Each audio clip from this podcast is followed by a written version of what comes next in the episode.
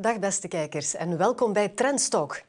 Ook wij kunnen niet aan de verleiding weerstaan om in deze periode van het jaar terug te blikken op de voornaamste gebeurtenissen in 2021 en vooral vooruit te blikken op wat 2022 ons zal brengen. De komende vier weken hebben we telkens een van onze Z-nieuws beursexperten te gast. En Filip Gijsels, hoofdstrateeg bij BNP Paribas Fortis, mag de spits afbijten. Dag Filip en van harte Dag, welkom. hallo. Ja, het is niet toevallig hè, dat we jou als eerste expert vragen, want jij bent uh, macro-econoom. Jij schetst dat algemene plaatje van de gezondheidstoestand uh, van de economie. Hoe spijker jij als macro-econoom jouw kennis bij? Wel, ja, dat is een constant uh, proces, Francesca. Dat is iets niet van 9 tot 5, maar dat is de hele dag. En het grote probleem is daar een beetje dat er natuurlijk zoveel informatie binnenkomt. Dus je probeert boeken te lezen, je leest rapporten over bedrijven, over de economie, over alles en nog wat. Ja, je probeert daar een beetje een, zicht op te krijgen. Het is een beetje een driedimensionale puzzel leggen, waar iedere dag puzzelstukjes van veranderen, nieuwe puzzelstukjes. Je moet die proberen in te passen in je verhaal.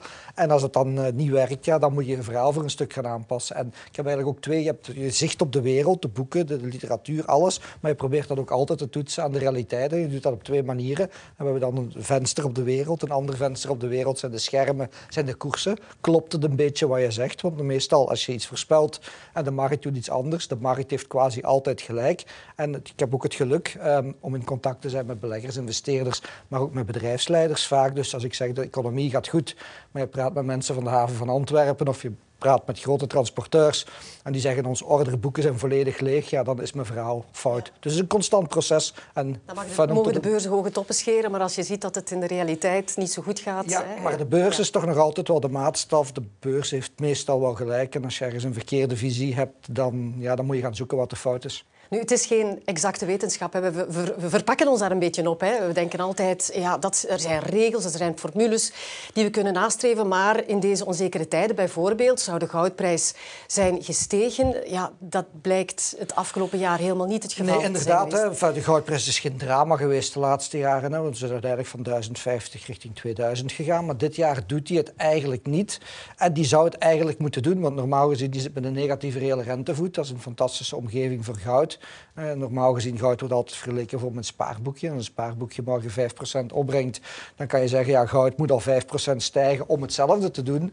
Uh, nu is dat nul, dus je, je, bent echt niet echt in concurrentie daarmee. En toch doet het het niet. Maar ja, oké, okay, we zitten zoals we al zo vaak op de uitzending gezegd hebben, al lang te boren. En daar komen die grafieken dan weer in het spel. Op het 200-daags gemiddelde. Als je daar zou doorgeraken, zou dat een stuk beter zijn. Maar op dit moment doet die goudprijs, een van de ontgoochelingen van dit jaar ja. voor mij, uh, doet die goudprijs eigenlijk niet wat ik, uh, wat ik er zou van verwachten. Ja, er zijn een aantal uh, economische theorieën die we misschien wat moeten herzien in deze bijzondere tijden. Filip, ik wil het vooral met jou hebben over uh, het komende jaar, 2022. Ja. Maar we eigenlijk moeten ook wel even terugblikken op het, het voorbije jaar. Het is moeilijk om de beide van elkaar los te koppelen.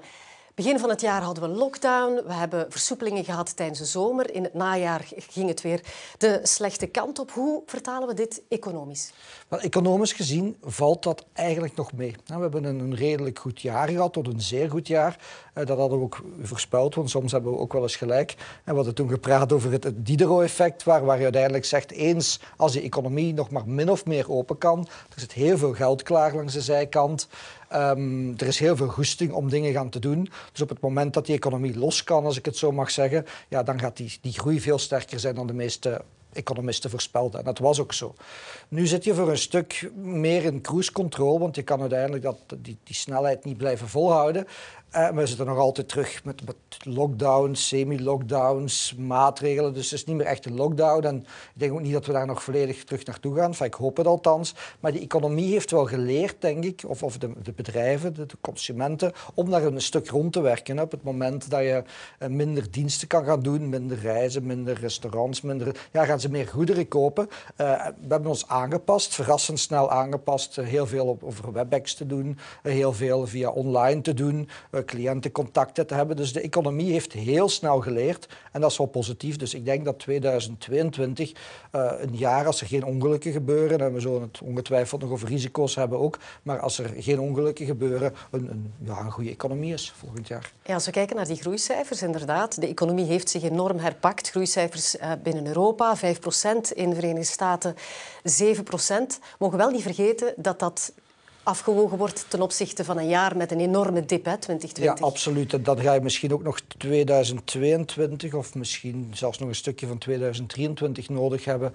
om toch te zeggen, ja, we komen terug op dat punt. Maar en laat ons eerlijk zijn, en bij de beurzen ook, iedereen had hiervoor getekend. Als je zou zeggen, met, met de miserie die we hadden in februari, maart 2020, ja, toen zag iedereen een tunnel met heel weinig licht hè, aan het einde. Als je zou gezegd hebben, eerst en vooral, ja, we gaan daar binnen een goed jaar, anderhalf jaar, voor een stuk uit zijn. Ja, dan zou iedereen zeggen, waar mag ik tekenen?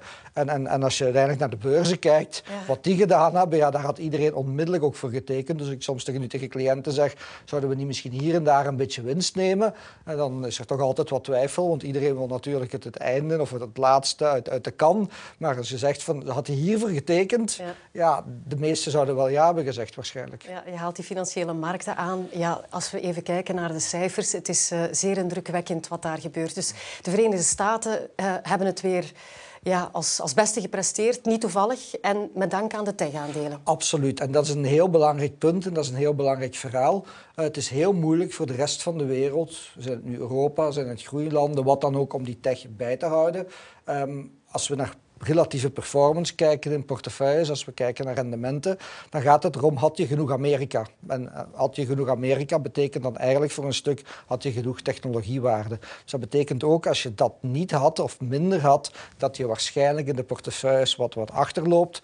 Uh, dus het was heel moeilijk. Het enige wat eigenlijk die Amerikaanse tech kon bijbenen, en dan hebben we het over het Select Crunch, dan hebben we het over de FANGs, de Microsofts, de Apples, de Googles, dan hebben we het over de Nvidia's, dan hebben we het in Nederland over ASML. Dus, maar dat zijn er echt niet veel. Dat zijn 20, 30 van die bedrijven die echt alles naar boven trekken, die ook heel zwaar wegen in de indexen. Het enige wat dat een beetje kon volgen was tot voor kort of voor een aantal maanden geleden de Chinese technologie. Maar ja, we weten allemaal wat er gebeurd is uh, met de crackdown op een aantal van die waarden, dus die we ook de rol moeten lossen. Dus het was wederom, alhoewel iedereen aan het begin van het jaar altijd voorspelt, je moet weg van Amerika en je moet andere dingen gaan doen. Het was duidelijk weer een jaar waar Amerika het ja, bijzonder goed gedaan heeft. Maar ook Europa heeft eigenlijk wel goed gedaan gepresteerd, toch? Europa heeft goed gepresteerd. Nu hebben we ook wel wat technologie. Maar in Europa waren het dan meer de, de klassieke waarden die dan eigenlijk voor een stuk um, toch aantrekkelijker gewaardeerd staan. Want ja, als je naar Amerika, naar koers-winstverhoudingen van een aantal dingen kijkt, ja, dat staat allemaal wel vrij hoog. Dus als je nu kijkt naar Europa, ja, uh, dikwijls vragen cliënten ons, is het een bubbel of is het geen bubbel? En dan kijken ze vooral naar de Nasdaq en de S&P. Maar als je nu naar de CAC kijkt in Frankrijk, wel ja, dat heeft ook een record gezet dit jaar. Maar het vorige record dateerde van 21 jaar geleden. De Bel 20 heeft het goed gedaan, dank u wel. Maar je staat nog altijd 7, 8 procent onder het niveau van misschien ook 20 jaar geleden. Dus hier in Europa is het moeilijk te zeggen dat het een bubbel is. Nu, wij zeggen nog altijd, want het is zo moeilijk om te voorspellen wanneer die Amerikaanse technologie waarde dan ja, het wat minder gaan doen. Uh, wij maken nog altijd die fameuze barbel waar je zegt we pakken dan toch nog voldoende technologie om in te spelen op de toekomst. Maar we vinden ook in andere plaatsen van de wereld en dan in Europa toch nog heel goede bedrijven uh, die, die dan toch eigenlijk redelijker gewaardeerd zijn. Ja, we focussen ons heel vaak op de Verenigde Staten, op, ons, op Europa. Maar als we dan de cijfers zien van de aandelenmarkten en we kijken dan naar bijvoorbeeld Latijns-Amerika, negatief in het uh, voorbije jaar, die emerging markets, waar toch ook wel hele lange tijd veel hoop van werd, uh, in, in, werd gesteld, hebben het ook niet zo goed gedaan. Die hebben het op relatieve basis absoluut natuurlijk ook weer redelijk. Alhoewel, zoals je zegt, Latijns-Amerika was geen feest, geen, geen fiesta, hoe noemt dat daar aan die kanten. Uh, maar uiteindelijk, je zou inderdaad zeggen, ja, dat wordt steeds groter stuk van de wereldeconomie. Twintig jaar geleden was dat 40 procent, ondertussen is dat 60, binnen een jaar of 10, 15 zal dat 70 zijn. Dus dan zou je op een bepaald moment zeggen, dat zou toch ook ja, in de portefeuilles moeten tot uiting komen. Maar dat zie je dus niet. Wat toch maar eens aangeeft ja, dat beurzen niet noodzakelijk moeten met de realiteit samenlopen. Dat daar een gap is.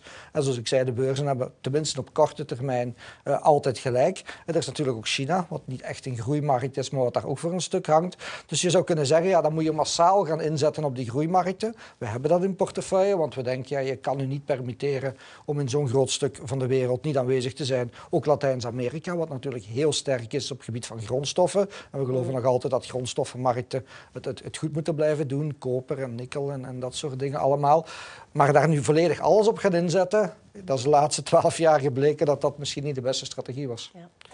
Als we terugblikken op het voorbije jaar, maart van dit jaar, was er de, uh, de Ever Given, het containerschip dat uh, zes dagen lang het Suezkanaal heeft uh, geblokkeerd met ja, dramatische gevolgen voor de aanvoerlijnen. Was dat een teken aan de wand dat daar een groot probleem zat? Ja, in die dat is zo'n zo'n event wat dan op tv komt, wat in alle pers is, wat, wat heel visibel is. Maar dat is een breder verhaal, omdat dat natuurlijk ook al een hele tijd bezig was. Hè. Die aanvoerlijnen zijn natuurlijk, gezien hoe kwetsbaar dat die zijn, het hele de pandemie, ja, dat is natuurlijk een, een, klein kanaal, waar een relatief klein kanaal, waar je één schip de boel kunt blokkeren. En dat heeft natuurlijk bijgedragen aan dat hele verhaal. Maar, maar de, de pandemie, uh, het feit dat er veel dingen uit Taiwan waarschijnlijk komen, dus, dus dat soort dingen. Elk bedrijf uh, waar ik mee praat, die zijn bezig om een uh, supply chains in te bekijken. Moet dat niet allemaal wat dichter komen? Moet dat niet allemaal nearshoring zijn? Uh, het efficiënte, het just-in-time verhaal, dat wordt wat opzij geschoven. Want iedereen zegt, ik ga maar genoeg voorraden aanhouden, want ja, je weet nooit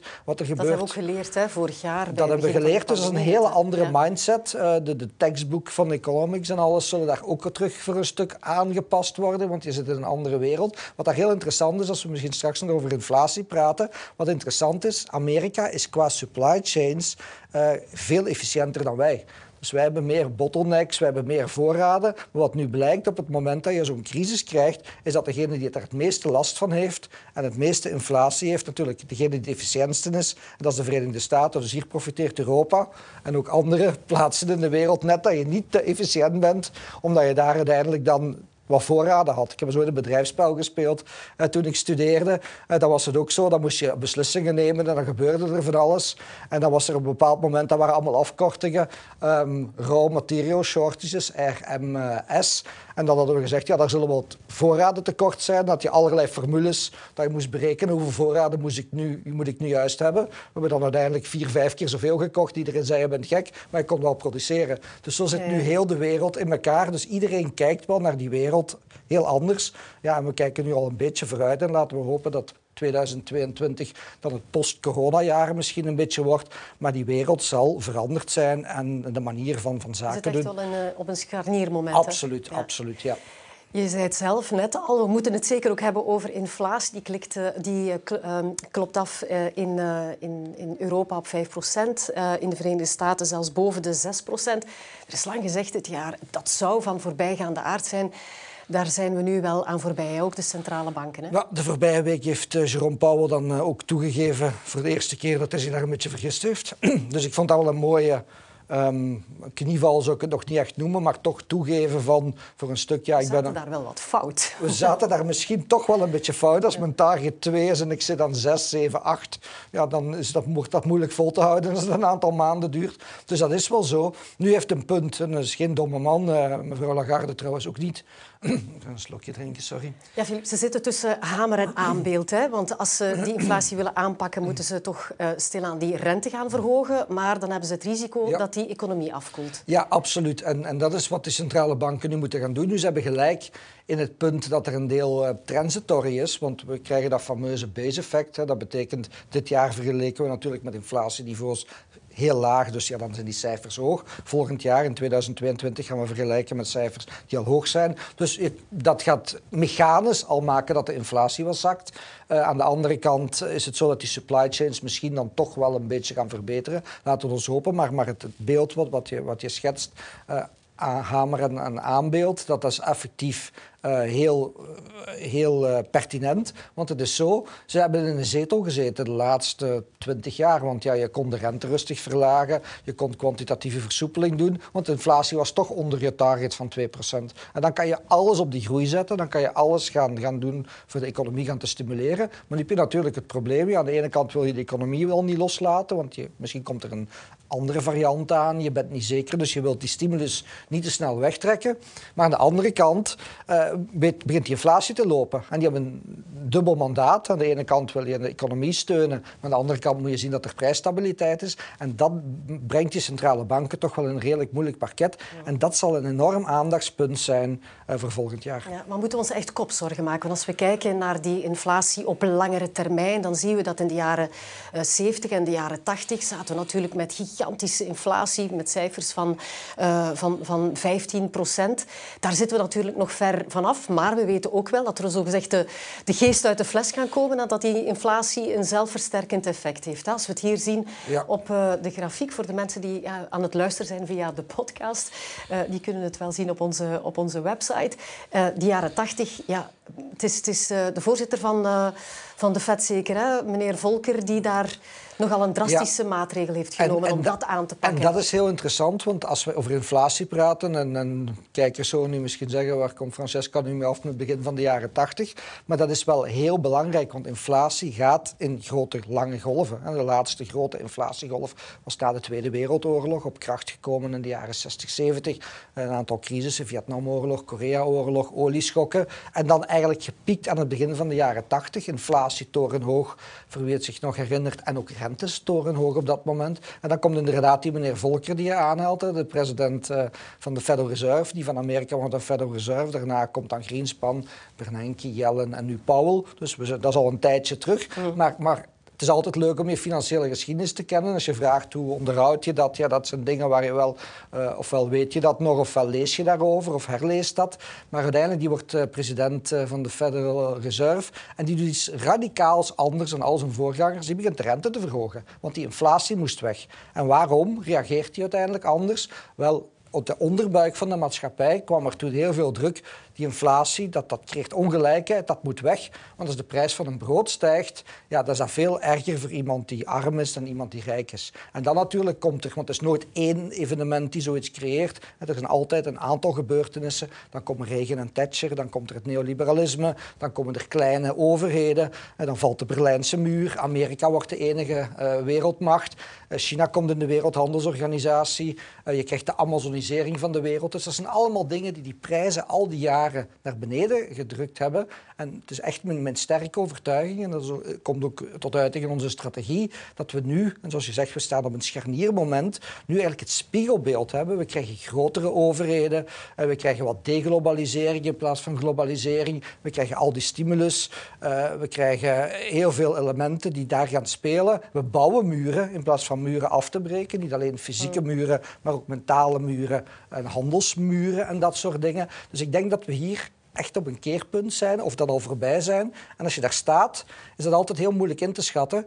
Uh, je kan dan altijd twintig jaar eh, nadien zeggen, ah, dat was zo'n moment. Maar we staan hier op een moment en investeren in een wereld die, die inflatoire is in plaats van deflatoire. Dat is een hemelsbreed verschil.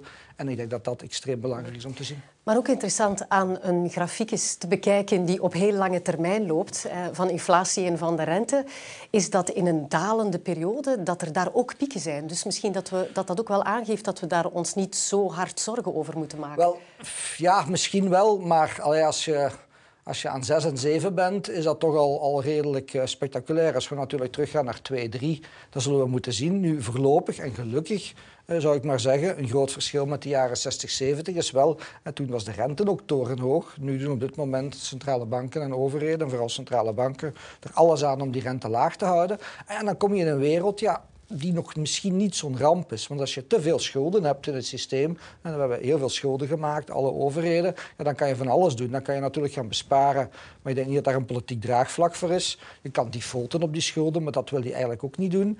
Uh, dus ja, een andere strategie is, we laten de inflatie wat lopen. 2, 3, 4, wie zal het zeggen?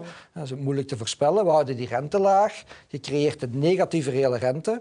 En dan ga je eigenlijk die schuld weginflateren. Dus als we naar risico's van, van volgend jaar of van de komende jaren kijken, zullen heel veel mensen zeggen te grote overheidstekorten, te grote schuldenbergen. Maar als je negatieve reële rente hebt van 4% en je doet dat 10 jaar na elkaar, dan heb je 40% van je schuld, dat is bijna de helft van je schuld, weggewerkt. Ja. het nadeel daarvan is natuurlijk dat de spaargelden van de mensen ook weginflateren. Ja. En dat is, ieder nadeel heeft zijn voordeel, ieder voordeel ja, maar heeft zijn nadeel. Het, het, het, het, zal ook wel wat onvrede en, en wat politieke instabiliteit ook uh, teweeg brengen. Ja, dat is, dat is een risico. Mensen met een, met een loon die geen actieven hebben, gaan het echt wel voelen. Hè? Ja, dus inderdaad, hè, je krijgt een wereld van alles of niks voor een stuk. Voor de overheden is dit... Uh, slapend rijk worden bijna. Mensen die veel activa hebben, huizen, aandelen, portefeuilles, kunst, wijn, alles wat maar tastbaar is. En we zijn nog altijd heel grote voorstander, ondanks het feit dat heel veel van die dingen relatief duur geworden zijn, om toch reële activa te kopen, net om je te beschermen tegen die geldontwaarding. Maar natuurlijk mensen die dat minder hebben, ja, die, die voelen dat wel. Uh, jonge mensen die, die, die geen sponsoring hebben van thuis, die uiteindelijk een huis willen kopen, die netjes ieder jaar 10.000 euro bij hebben gespaard, maar die dan vasthouden dat dat huis wat ze willen kopen 30.000 is gestegen. Ja, dit is natuurlijk iets minder leuk en dat zal goed onder controle gehouden moeten worden, goed gemanaged worden, want dat zou inderdaad wel eens uh, onvrede en, en alles wat erbij komt kunnen, kunnen creëren. Ja, nu, mensen maken zich terecht zorgen hè, over die overheidsschuld, van wie gaat dit allemaal betalen? Want de overheid spendeert en steunt sectoren, dat ook onze redding is geweest tijdens uh, de pandemie, absoluut. Maar als we even kijken naar die cijfers, hoe is die overheidsschuld schuld, uh, zeker in de landen van uh, binnen Europa, nu gestegen. Griekenland staat nog altijd helemaal aan de top met uh, ongeveer 209 procent van het BBP. Degene die het beste doet, dat is Estland met 18,5 procent. België en Frankrijk zitten aan 118 procent. Ik herinner mij nog de tijd dat, dat we er naar streefden om onder de 100 procent ja te gaan.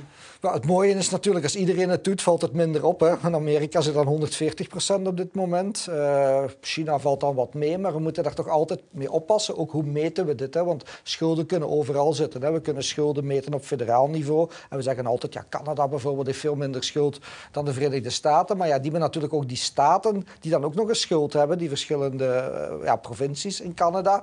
Uh, in China heeft de overheid rijk. En daar is debt to GDP, eh, schuld tegen, tegen het bruto nationaal product, relatief klein. Maar daar zitten de schulden natuurlijk bij de lokale overheden. En zoals we bij Evergrande uh, in, in China gezien hebben, ook bij de bedrijven. Dus maar de, de, conclusie van dit alles is, ja, wie heeft juist wat? Je hebt liever, liever minder. Maar de conclusie is, ja, er is heel veel schuld bijgekomen. Moeten we daarvan wakker liggen?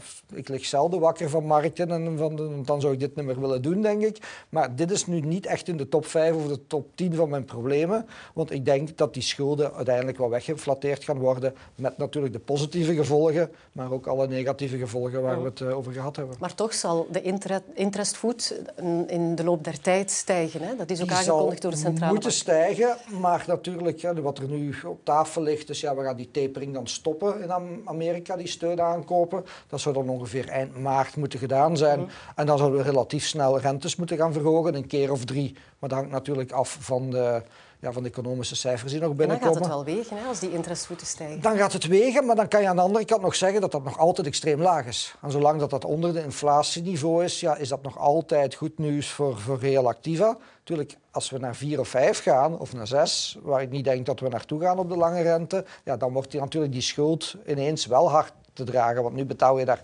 quasi geen interest over. In België hebben ze dat natuurlijk zeer goed gemanaged. In die zin dat ze heel veel schulden ver weg hebben gezet tegen zeer lage rentevoeten. Dus die rente begint te stijgen, heb je daar relatief nog niet onmiddellijk last van. Maar dat is de Achillespees van dat hele verhaal van, van die modern monetaire theorie, wat mevrouw Kelton hier uh, komt vertellen. Ja. En, en, waar, ik het, MMT, waar ik het eigenlijk niet mee eens ben, hè, want dat is wat ik uiteindelijk ook zeg voor een stuk. En we hebben confirmation bias, dus je hebt vaak de gewoonte om dingen gaan te lezen die in je kraan te pas komen. En dan worden je ideeën altijd maar versterkt. Dus je moet ook eens iets lezen waar je het niet mee eens bent. Maar uiteindelijk, ah, dit is mainstream geworden. Inflatie laten lopen, uh, rentes laag houden. En zolang natuurlijk die rentes laag blijven, is er geen probleem. Als de rentes morgen 4 of 5 zijn, dan moet onze visie uh, op de markten misschien toch een klein beetje bijgespijkerd worden. Ja, tussendoor trouwens, je hebt heel wat uh, boekentips ook uh, meegegeven. Die gaan we op onze website publiceren. Want ik weet dat je heel veel leest. Ook tijdens het setnieuws kom je af en toe met een ja, boekvoorstel. Dan, dan, lees ik niet, maar dat is meestal... ah, wel, dus we gaan ze zeker op onze website ook meegeven voor de kijkers die geïnteresseerd zijn. nog even terug over die centrale banken en hun actie. Hè. Ze hebben gigantisch veel waardpapier opgekocht ja, die komen wel op een bepaald moment op een vervaldag. Wat gebeurt er dan? Dat is het goede nieuws ervan. Want uiteindelijk, wat heb je gekocht? Ja, obligaties voor een stuk. En meestal zijn dat uh, overheidsobligaties, ook wel wat bedrijfsobligaties. Maar het overgrote deel zijn, zijn overheidsobligaties. Japan bijvoorbeeld, die kopen aandelen. En als je natuurlijk een aandeel koopt, ja, daar staat geen, geen eindvervaldag op. Dus zolang dat bedrijf blijft bestaan, dat kan honderden jaren zijn. En vooral met Japanse aandelen. Dus als je dat ooit van je balans wil afkrijgen, dan moet je dat verkopen. Natuurlijk, als ik daar honderden miljoenen of, of meer aandelen zitten heb en de markt krijgt door dat ik die aandelen begin te verkopen, ja, dan zeggen ze je doet nu de eerste 10.000 of 100.000 of miljoen, maar daar is nog zoveel wat er komt. Dus dan creëer je onmiddellijk een crash op de aandelenmarkt. Dus eigenlijk in de praktijk van aandelen kan je daar eigenlijk nooit meer afhalen. Obligaties is het voordeel, als die op vervaldag komen, zoals je zegt, dan rollen die daar af, zoals gezegd. Ja, dan moet iemand anders dat financieren, maar je moet die niet echt actief in de markt gaan verkopen als centrale bank. Dus ze kopen die wel actief in de markt, zetten die op een balans, maar die rollen daar dan eigenlijk af. En als je dan tijd niet meer koopt, en je hebt dingen die vijf jaar lopen, en zeven jaar lopen, en tien jaar lopen, geleidelijk aan rollen die er vanaf. Maar het punt is natuurlijk wel, uh, je hebt nu liquiditeit in het systeem geduwd. Zelfs als die daar afrollen, ja, dan pak je eigenlijk voor een stuk liquiditeit uit het systeem, want iemand anders moet dat gaan financieren. Heb je de negatieve impact waar je nu de positieve van hebt. Ja, en dat laat me toch geloven dat als die Federal Reserve nu toch aan de bak gaat met minder uh, aankopen en misschien geleidelijk aan renteverhogingen. De markt kan dat wel hebben. De markt kan volgens mij een rentevoet van, van twee, zelfs drie misschien hebben. Maar we gaan daar toch eventjes moeten ons aan aanpassen. Want als de gemakkelijke geldkraan uh, toch wat meer dicht gaat, ja, dan zal het volgend jaar geen rechte lijn meer omhoog zijn in de beurzen zoals het dit jaar geweest is. Dan zullen we toch wat volatiliteit krijgen. Ja. Tot slot nog even de, de wisselkoers, de, de sterke dollar. Moeten we ons daar zorgen over maken? Zorgen sowieso niet. Hè. Als je een, een, Belgisch bedrijf bent of een Europees bedrijf bent, ja, dan heb je graag dat die dollar sterk is. Want dan kan je natuurlijk redelijk goed concurreren tegen, tegen Amerikanen of tegen anderen. Want heel veel munten hangen ook min of meer vast aan de dollar. Dus voor Europa, voor België is dat fantastisch nieuws. Dus ze profiteren van een zwakke euro? Daar kan je van profiteren. Een zwakkere euro, zolang Amerika ermee akkoord gaat. Hè. Biden uh, is daar iets minder mee bezig dan Trump. Maar ja, Trump pakt uh, China daarover aan, uh, pakte ook Europa daarover aan. Sancties, barrières tot en met. Dus op dit moment is Amerika daar relatief rustig over. Dus die sterke dollar, ik denk eh, dat de meeste van onze cliënten, de bedrijven, daar zeer blij mee zullen zijn. Nu kun je je afvragen, waarom hebben we eigenlijk een sterke dollar? Want je zou kunnen zeggen, ja, die Amerikanen die zijn toch wel redelijk veel geld in pompen. Als je het heel visueel probeert voor te stellen, je hebt een, gigantische hoop euro's in de wereld en je hebt een gigantische eh, berg dollars in de wereld. Eh, welke is de grootste en vooral welke groeit het snelst? En dan zou je de neiging hebben om te denken, die dollars die, die groeien voor een stuk sneller, want kwantitatieve versoepeling, dat is natuurlijk iets wat uit Amerika komt. Ze hebben dat daar aan uh, uitgevonden. Maar Europa heeft dat omarmd. En Europa doet eigenlijk meer dan de Verenigde Staten. Als je kijkt naar de totale berg die ze op een balans gezet hebben. In Europa is dat eerder 75 procent. In Amerika is dat 50 procent. En als ik dan mevrouw Lagarde hoor en ik hoor meneer Powell, dan heb ik de indruk dat meneer Powell sneller gaat stoppen met die kwantitatieve versoepeling dan mevrouw Lagarde. Dus die berg van euro's gaat dan eigenlijk sneller stijgen en minder waard worden. En dat is natuurlijk heel kort door de bocht, want in het munten spelen 101 dingen. Maar heel simpelweg, uh, wie drukt het meeste? En dat is op dit moment nog altijd ja, Europa. Europa is uh, ambitieuzer geweest in die quantitative easing. Ja. Omdat de inflatie ook lager was natuurlijk. Ze hadden meer ruimte. Filip, wat zie jij voor 2022 als de voornaamste bedreigingen voor de wereldeconomie? Wel, we hebben het er al uh, over gehad. Hè. Als, als je inderdaad in die wereld zit waar het duidelijke plan van de overheden en de centrale banken is om inflatie te laten lopen en de rente laag te houden. Wel, ja, dat is een proces wat je natuurlijk wel moet managen voor een stuk. Je moet ervoor zorgen dat, dat inderdaad die inflatie niet helemaal wegloopt, dat het vertrouwen in de, in de centrale banken niet, niet helemaal verdwijnt. Dus als die natuurlijk die inflatie te hard begint op te lopen en ze zouden verplicht zijn om veel sneller die rente beginnen te verhogen, uh, dat is echt op stip, uh, met stip op nummer één uh, mijn grootste risico. Het tweede is natuurlijk China. Um, we hebben nog niet veel over China gepraat, maar daar is onder, ondertussen, het is kerst, we zitten onder de kerstboom, niemand is daar heel veel mee bezig. Waar, tijdens Trump was het bijna dagelijks ja, in het nieuws. China in het en nieuws, daar is nu een serieuze, de... serieuze vastgoedcrisis bezig, toch wel. Hè? Een bedrijf met een balans van iets van een 500 miljard dollar. Evergrande, Evergrande ja. is toch niet niks. Hè? En die niet alleen, maar nog een aantal andere. Crackdown, uh, een beetje van alles. Maar oké, okay, we zijn daar met dat stuk van de wereld precies iets minder bezig. Maar als China natuurlijk een tik krijgt, vertraagt... Heeft dus dat toch wel in het oog houden Absoluut, heeft dat impact op, uh, op de wereldeconomie, op de grondstoffen ook, waar ik nog altijd heel positief over ben. Maar China is natuurlijk een grote verbruiker van koper en dergelijke. Dus dat, dat, zou, dus dat moeten we dan toch wel tussen, tussen al onze kerstdrinks en alles wat we misschien leuk gaan doen met de familie, toch, toch even in doog houden. En dan de derde, daar ga ik mijn joker misschien voor inzetten, want ieder jaar vraag, vraag jij of, of andere mensen, doe eens een voorspelling en we zijn daar altijd naast. Want het risico wat er dan komt, de zwarte zwaan, je ziet hem, ziet hem daar, is altijd... In de mooie glorie, ja. Toch iets anders dan je en dat verwacht. Wil zeggen, ja. ik, ik, neem de zwarte zwaan als nummer drie, dan heb ik alle andere risico's. Ja. Ja. Eh, kijk je uit naar de mooie feestdagen? Ik kijk wel uit om een beetje tijd met de familie door te brengen. Het zijn uh, zeer drukke jaren geweest. Um, heel dicht bij de cliënten geweest. Allee, virtueel dan. Um, veel leuke dingen gedaan. Maar allee, ik ben er eigenlijk niet boos over dat we nu misschien uh, toch wel eens een, een, hopelijk een paar rustige weken hebben. Ja. Maar, maar, het risico is altijd als ik verlof durf nemen, dan gebeurt er iets op de markt. Dus uh, dat komt ons En sowieso blijf je op, op, vrijdag op post. Met heel veel ja. plezier. Ja, oké. Okay. Dankjewel. Ook voor alle weken dat je vrijdag ons altijd een interessante terugblik geeft op de voorbije Dankjewel. week. Dankjewel. Heel leuk om te doen. Een fijn eindejaar. Volgende week praat Jan de Meulemeester met Danny Reewegs, directeur van Trends Inside Beleggen en co-auteur van het boek Haal alles uit uw beleggingen. En over dat beleggen zal het gaan in de volgende Trendstalk. Zeker kijken dus als u een goed gefundeerde analyse wil van de financiële markten in 2022. Bedankt voor het kijken.